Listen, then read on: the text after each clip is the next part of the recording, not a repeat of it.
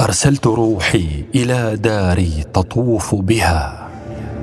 لما خطانا إليها ما لها سبل أن تسأل الدار إن كانت تذكرنا أم أنها نسيت إذ أهلها رحلوا؟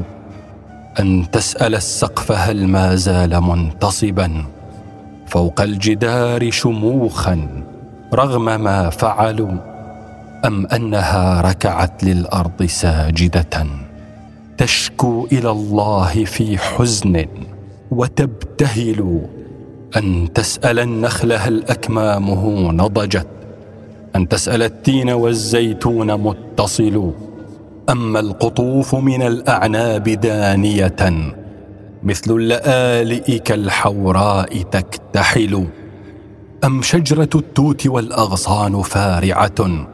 ناءت بحمل وقد طابت به الأكل. هيهات يا دار أن تصفو الحياة بنا ويرجع الجمع بعد النأي يكتمل. لكن روحي ستبقى فيك ساكنه ما لي بأطمة لا شاة ولا جمل. إن مت يا دار أو طال الزمان بنا فالصبر يا دار لا يضعف لنا أمل. إن عدت يا دار هل ألقاك باسمة؟ أم في اللقاء يعز القول والجمل؟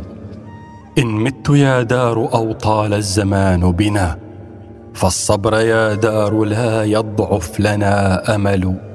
إن عدت يا دار هل ألقاك باسمة؟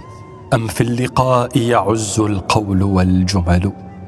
ويصبح الهمس نجوانا فلا كلم والعين تهطل سحا تغدق المقل.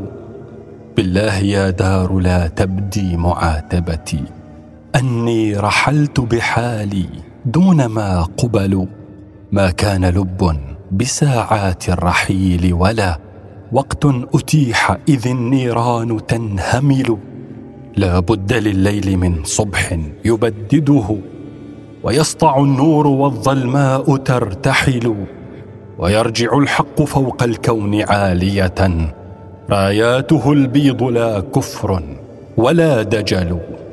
علائم الصبح قد لاحت مبشرة. لم يبق في الساح لا عزى ولا هبل. فأول النصر للأوثان نكسرها. فعل الخليل وفعل المصطفى مثل.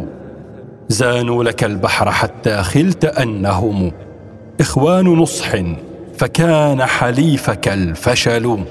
لن تسكت الحرب لو ستين محولة حتى يطهر وجه السهل والتلل.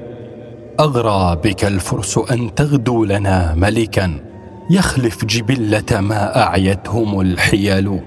لكن غباءك أن صدقت مكرهم. كالطفل فارجع ففي أوهامك الأجل.